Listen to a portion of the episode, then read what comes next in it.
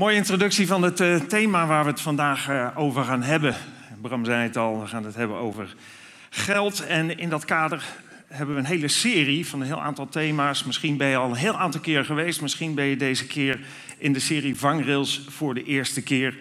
Dan maar heel kort even een inleiding. Nou, vangrails, ook als je hier naartoe bent gekomen, zeker als je van buiten de plaats bent, heb je ze al wel gezien. Het zijn van die dingen waar je normaal geen uh, aandacht aan besteedt, tot jij of een tegenligger er tegenaan botst. En je dan soms realiseert dat zo'n vangrails je beschermd heeft tegen een grote ramp, een groot probleem wat zich in je leven zou kunnen voordoen. Ja, wat is een vangrail? Nou, we weten denk ik een barrière die naast wegen wordt geplaatst om te voorkomen dat voertuigen de weg in de zijdelingse richting verlaten. Soms het ravijn in als het fout gaat. Of de middenberm doorkruisen, waardoor je elkaar echt tegenkomt, soms op hoge snelheid.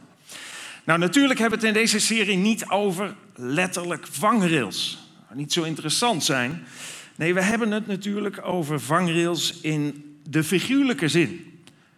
Eh, dat wat een soort van vangrail met een soort vanzelfde functie in ons persoonlijk leven kan doen. En dan zou je deze definitie kunnen hebben. Een vangrail in je leven is een persoonlijke gedragsnorm, dus iets wat je zelf bepaalt, met jezelf afspreekt, die je geweten aanspreekt wanneer die norm wordt overschreden. Dus je spreekt iets af met jezelf en ga je over die lijn heen, dan dan triggert dat iets bij jezelf met als doel om rampen te voorkomen. Dus voordat dingen fout gaan, zet je al ergens een markering dat als je dat raakt, dat je denkt, oeh, nu moet ik oppassen, nu moet ik niet verder.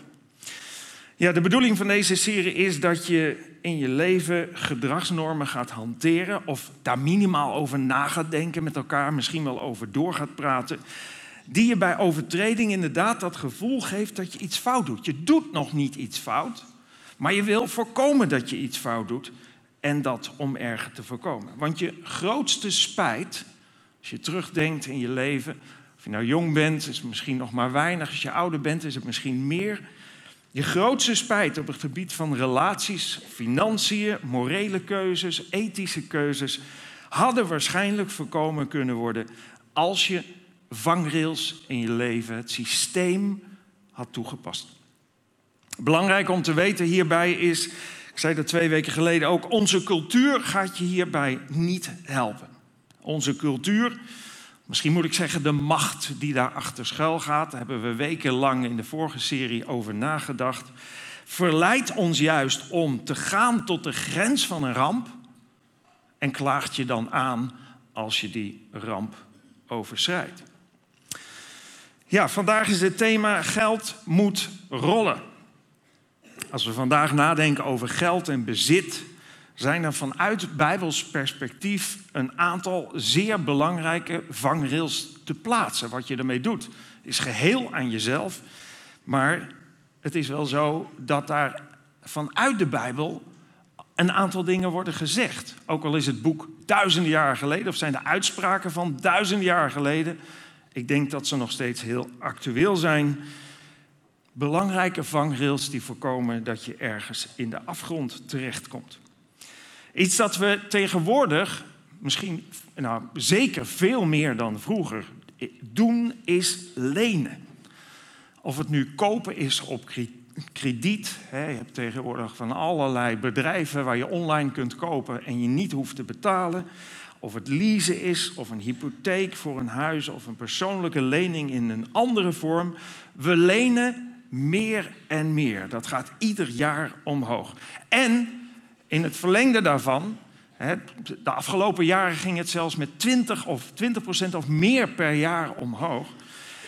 Ehm, de schaduwzijde ervan is dat steeds meer mensen, omdat je soms zo makkelijk kunt lenen, daardoor ook in problemen raken. Nou, de wijze koning Salomo, die duizenden jaren geleden leefde, heeft dit gezegd over lenen. Hij zegt, wie leent, wordt de slaaf van zijn geldschieter. Wie leent, wordt de slaaf van zijn geldschieter. Oftewel, ontstaat een verhouding waarvan je, ja, waar je van tevoren eigenlijk over na moet denken, wil ik dit wel? Geld lenen maakt je tot een slaaf, zeker als het gaat om consumptiegoederen. Op de dag dat je daarvoor leent, kun je met de goederen die je hebt gekocht de lening niet meer terugbetalen. Op het moment dat je de winkel uitloopt, hoe groot de doos ook is, of klein, of je rijdt erin of wat dan ook. Op het moment dat je de winkel uitgaat, is de waarde van dat wat je hebt gekocht misschien 25% minder of soms wel gehalveerd. Dus je kunt nooit meer op dat moment je lening terugbetalen met wat je hebt gekocht. En zolang je netjes je rente en aflossing kunt betalen, is er niets aan de hand. Maar als je om welke reden dan ook niet meer kunt betalen, omdat je baan verliest of er is een financiële crisis die we hebben gehad of er komen onverwachte kosten, dan zit je in de problemen, want met je bezit kun je het probleem van je schuld niet oplossen. We kennen allemaal dit plaatje wel. Je komt het regelmatig tegen. De aanbieders zijn verplicht dat erbij te zetten. Ze doen het zo klein mogelijk. Maar dat is om te laten zien eigenlijk wat er gebeurt. Wat Salomo zegt. Wie leent wordt een slaaf van zijn geldschieter. Je geldschieter wordt een blok aan het been als je niet oppast. En je kunt er niet eerder van af. Die ketting kun je niet doorbreken voordat alles is terugbetaald. Ja, zeggen mensen, maar geld lenen voor bijvoorbeeld een huis is heel anders. Dat is in zekere zin ook zo. Omdat een huis meestal de waarde van het geleende wel blijft vertegenwoordigen. Maar ook daar zitten natuurlijk alletjes onder het gras. Want meestal betekent niet altijd. En ongetwijfeld zitten hier in de zaal een heel aantal mensen die daar ervaring mee hebben. Waarbij, hè, vroeger was het zo dat je tot meer dan 100% kon lenen als je een huis kocht. Ja, en toen kwam de crisis. En toen daalde de waarde van de huizen. En toen kwamen de huizen, een heleboel huizen, zogenaamd onder water te staan. Oftewel, er kwam een gat tussen dat wat je had geleend en dat wat de waarde van je huis was. En in één keer ervoer je aan de lijve dat je een blok aan het been had. Dus ook dat is een groot risico. Eigenlijk zou je daar ook een vangrail misschien voor jezelf moeten plaatsen. En zeggen, ik leen niet meer dan bijvoorbeeld 75% van de huidige waarde van het huis. Ik noem maar wat.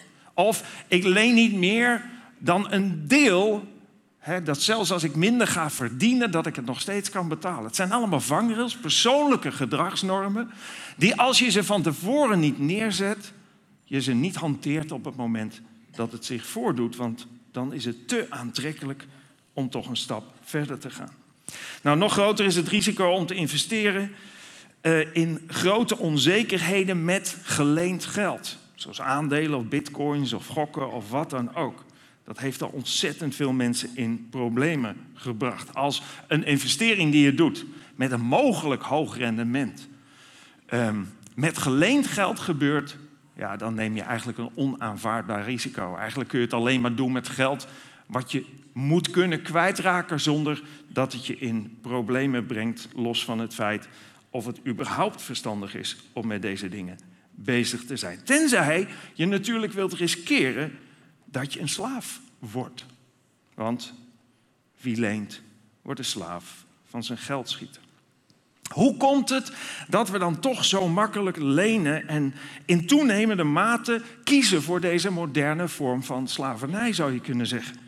Nou, dat is omdat het ons van nature vaak ontbreekt aan zelfbeheersing. Geldt voor iedereen. Hebben we allemaal van tijd tot tijd moeite mee. Er zijn mensen die zijn er heel goed in, maar dat is dan de minderheid vaak. Daarom is een vangrail, een vooraf met jezelf afgesproken grens, ook zo belangrijk. Anders loop je het risico ergens je zelfbeheersing te verliezen en wakker te worden als slaaf. Vandaar dat diezelfde wijze koning Salomo zegt: een geduldig mens, want daar gaat het vaak om, hè? als je iets wil kopen, ehm, ja, dan moet je soms nog sparen om het te kunnen kopen, of lenen om het te kunnen kopen. Nou, het verschil tussen die twee, bij de een moet je geduld hebben voor hetgene wat je graag wil hebben. En bij de ander heb je het meteen. Salomo zegt, een geduldig mens is beter dan een sterk mens. En wie zichzelf goed in bedwang heeft, is sterker dan de man die steden inneemt. Zo belangrijk is zelfbeheersing. En omdat het vaak zo moeilijk is, is het ook belangrijk om met jezelf of met je partner of met een vriend of wat dan ook grenzen af te spreken die je van tevoren bepaalt om te voorkomen dat je erover heen gaat. Een andere waarschuwing is de volgende, ook weer van Salomo. Ik ga er een paar af. Hij zegt: In de schoot gevallen rijkdom verdwijnt in het niet. Maar bezit met eigen hand vergaard, oftewel bezit wat ontstaat doordat je ervoor gewerkt hebt, zal groeien. Nou, dat geldt meestal bijvoorbeeld voor een grote erfenis of een grote kraak die je zet. Of een grote geldprijs die je krijgt. Ja, meestal is het zo weer verdwenen. Uh, kun je er helemaal niet mee omgaan. En heel vaak verliezen mensen daarmee alles wat hun dierbaar is. Het internet staat vol met verhalen over mensen die grote geldprijzen wonnen en de drama's die daarop volgden. Lotto-prijs verpest leven winnares, raar maar waar. Het verhaal van de ongelukkige winnares. Contact verloren met familie en in scheiding met haar man. Nou, dit is gewoon maar één verhaal, maar tik het maar in. Het staat er vol mee. Ken je een verhaal van een man die kwam thuis en die zei: Vrouw, ik heb geweldig nieuws gekregen. Ik heb een miljoen gewonnen bij de loterij. Oh, fantastisch. Hij zei: Vrouw, pak je koffer. Pak je koffer, wat zal ik erin doen, schat? Winterkleden, winterkleding, zomerkleding. Uh, maakt niet uit, als je maar vertrekt.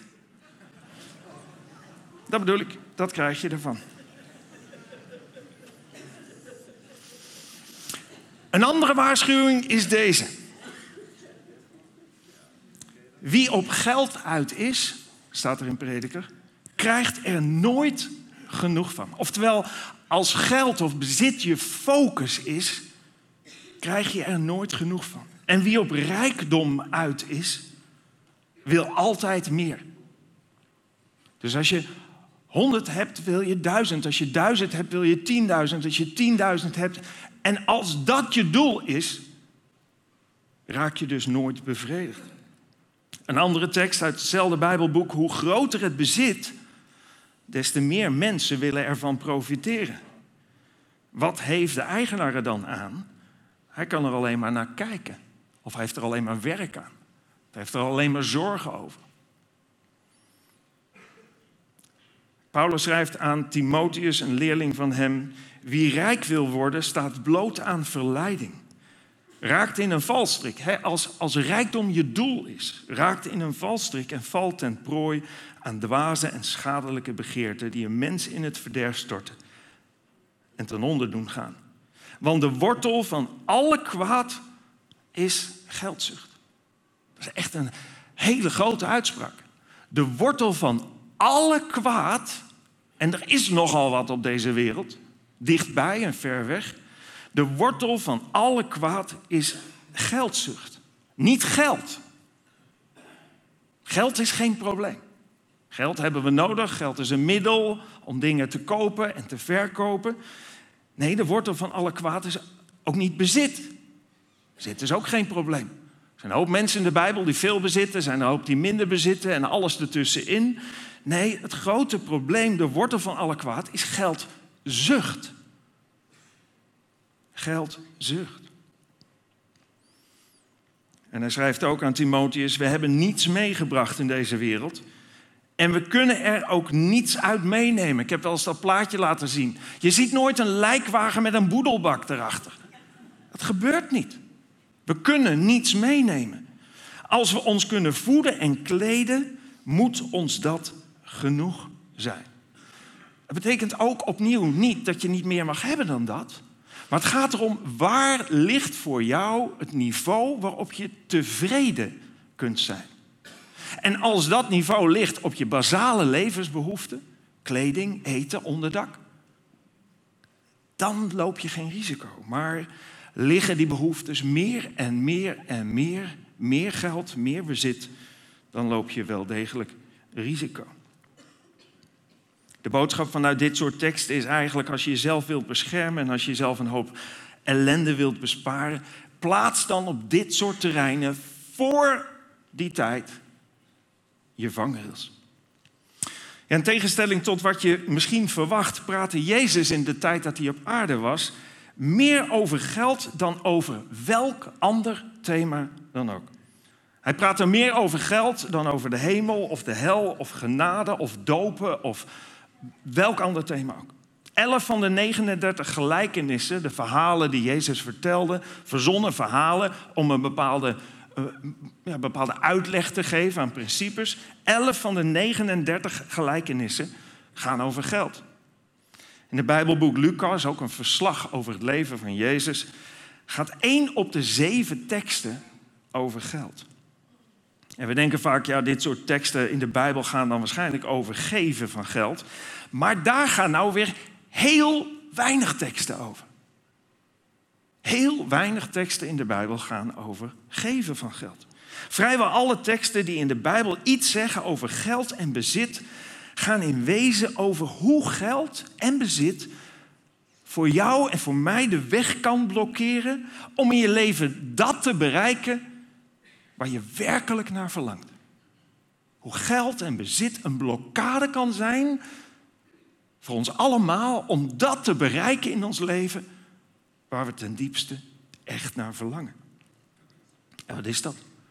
Ieder mens die er zit, wij allemaal verlangen naar geluk, naar vrede, naar rust, naar hoop, naar uitzicht, naar onvoorwaardelijke liefde. Dat zijn de fundamentele dingen waar ieder mens naar verlangt en waar we ook naar op zoek zijn.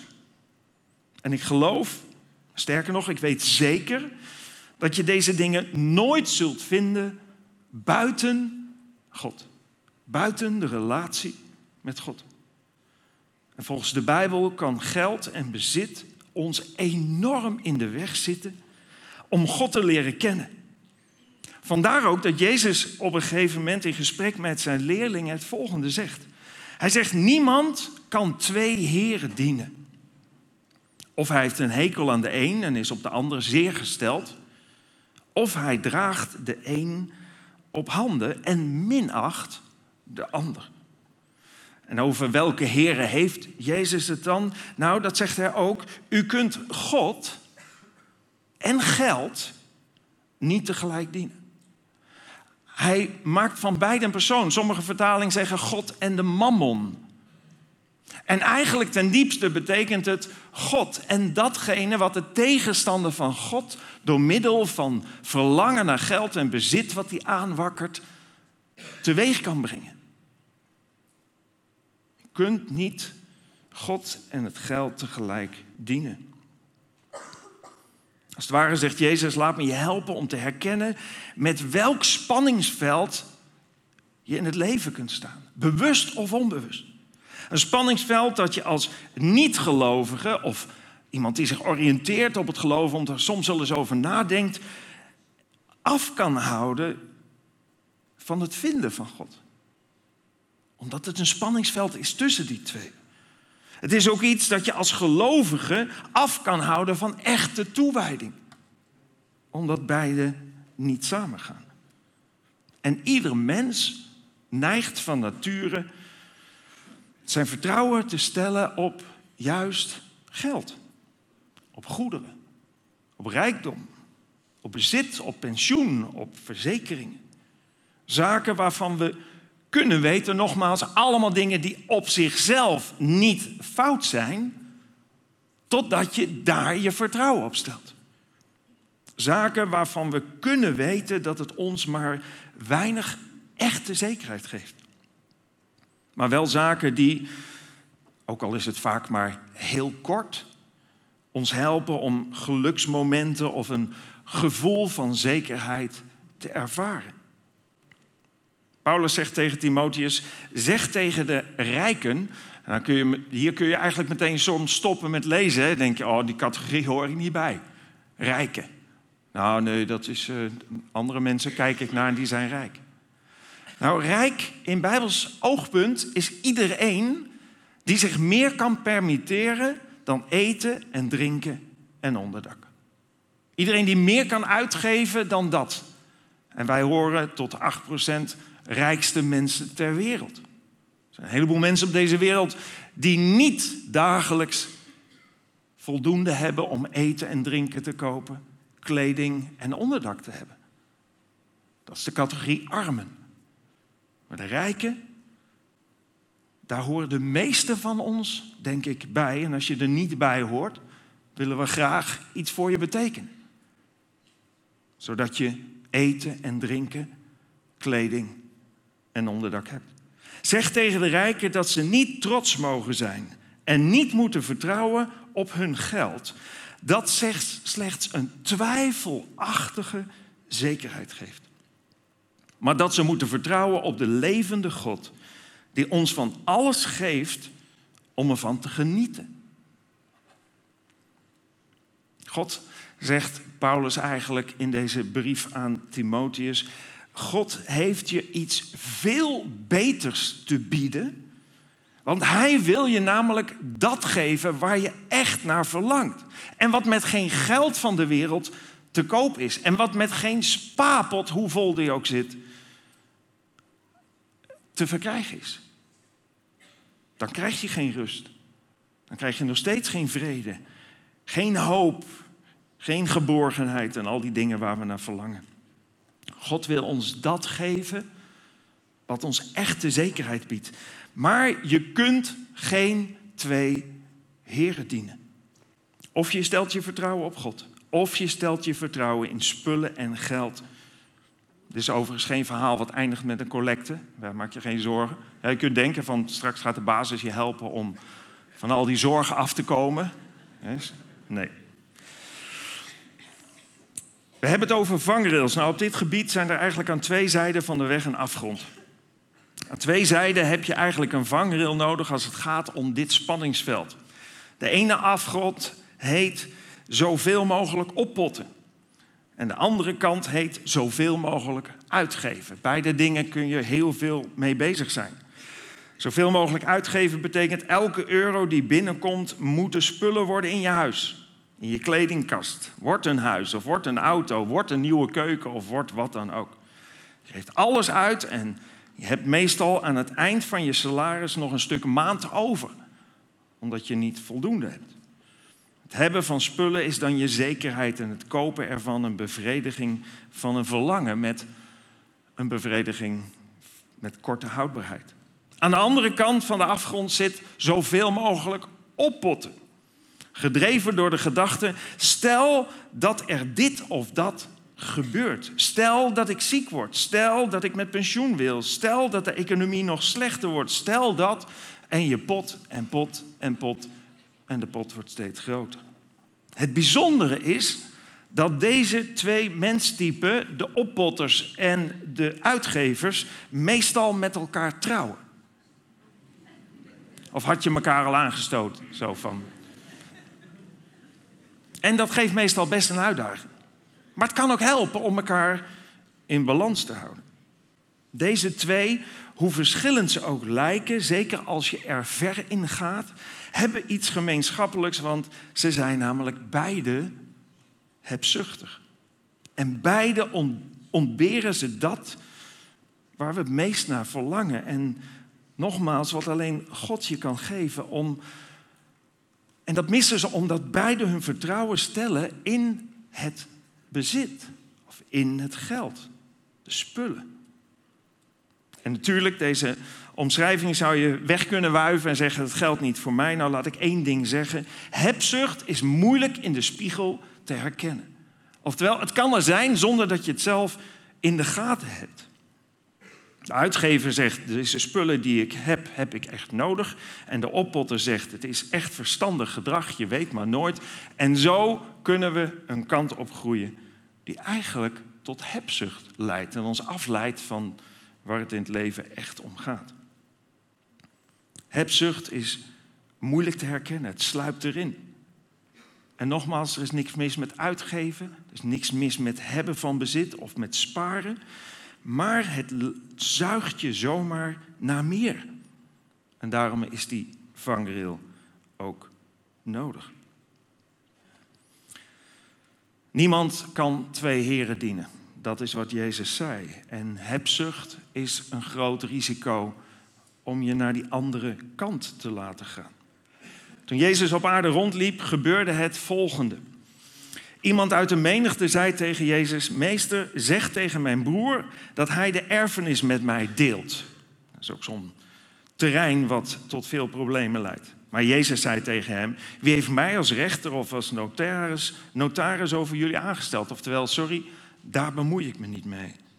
En tegen de hele menigte vervolgde hij: Let er toch op dat u zich verhoudt van alle hebzucht, want daar komen vaak de problemen uit voort. Want ook al bezit iemand alles in overvloed, hij bezit zijn leven niet. Toen vertelde hij hun de volgende gelijkenis. Er was eens een rijk man, zijn landerijen hadden veel opgebracht. En hij zei bij zichzelf: Wat moet ik doen? Ik heb geen ruimte meer om een oogst op te slaan. Toen zei hij: Dit ga ik doen. Ik laat mijn schuren omverhalen en nog veel grotere bouwen. Daarin kan ik al het graan en al mijn andere goederen opslaan. Dan zal ik tegen mezelf zeggen: Zo, wat je nu aan voorraad hebt liggen, is voor jaren. Rust eens uit. Ga lekker eten en drinken en neem er er maar goed van. Maar God zei tegen hem: Jij dwaas. Nog deze nacht wordt je leven van je opgeëist. En al die voorraden, voor wie zijn die dan?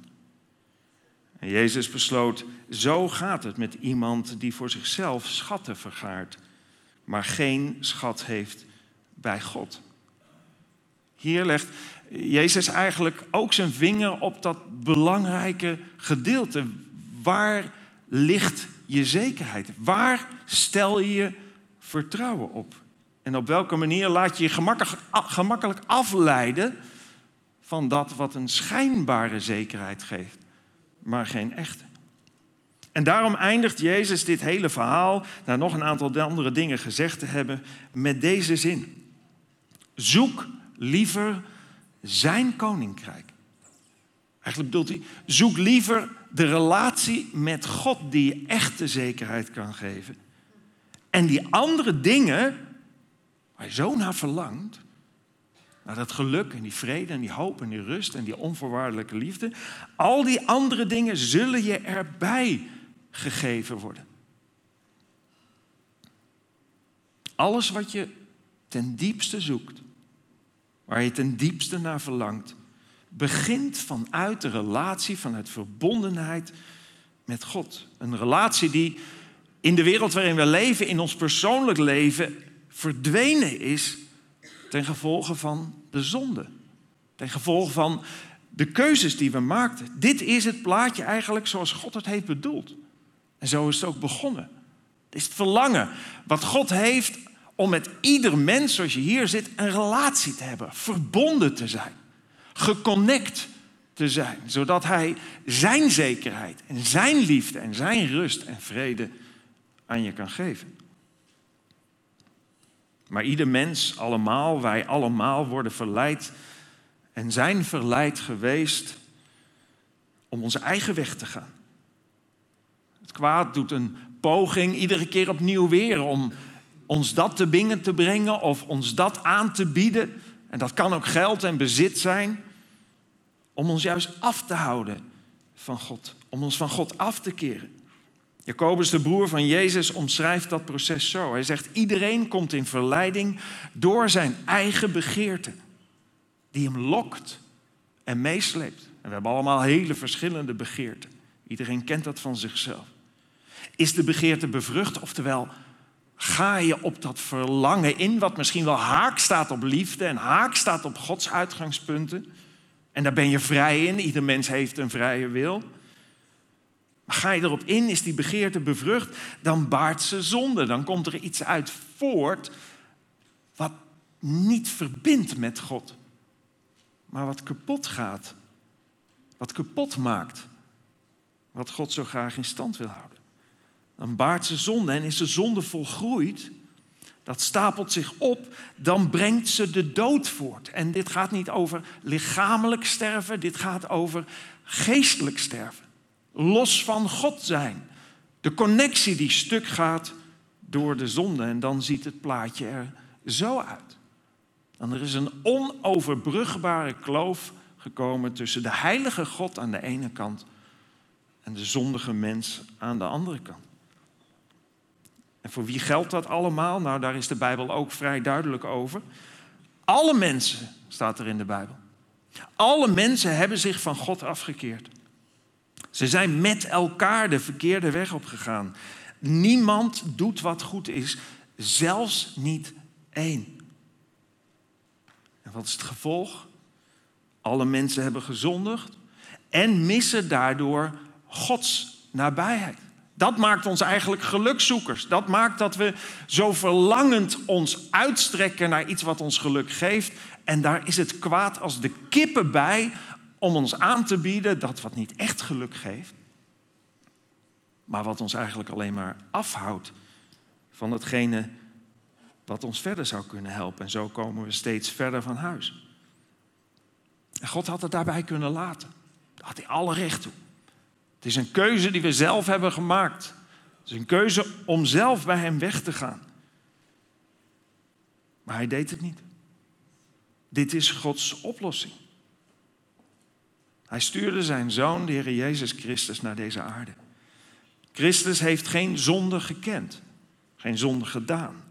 Maar om ons heeft God hem de zondelast, op hem de zondelast gelegd. Om ons door onze eenheid met Christus rechtvaardig te maken. Oftewel, Jezus kwam naar deze wereld. Hij stierf een gruwelijke dood voor onze zonde en tekortkoming. Voor alle mensen die voor hem leefden, voor alle mensen die na hem kwamen. Dat is de weg die God koos om rechtvaardiging te brengen tussen hem en de mens. En waarom was God zo bereid zo ver te gaan? Nou, dat staat ook in de Bijbel. God had de wereld zo lief. En dan kun je eigenlijk. Dat gaat natuurlijk niet over de wereld, over het bolletje. Het gaat over de mensen die hij gemaakt heeft. God heeft alles wat hij geschapen heeft, maar voornamelijk het kroonstuk van zijn schepping, de mens, jou persoonlijk, zo lief. Hij houdt zoveel van je, ondanks je fouten en tekortkomingen, ondanks je verkeerde keuzes, ondanks het feit dat je in bent gegaan op die verleidingen. God had de wereld zo lief dat hij zijn enige zoon gegeven heeft.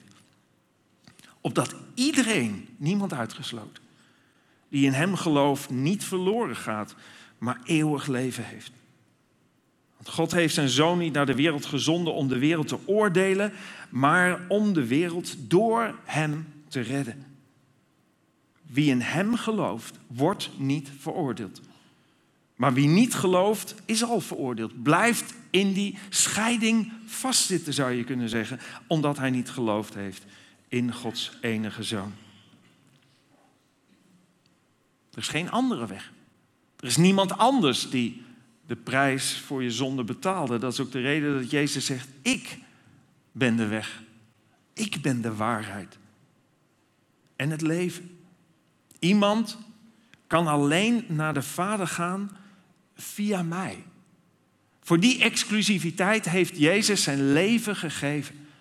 Om aan het kruis de verloren mens, de mens die dreigde verloren te gaan, opnieuw te verbinden met God.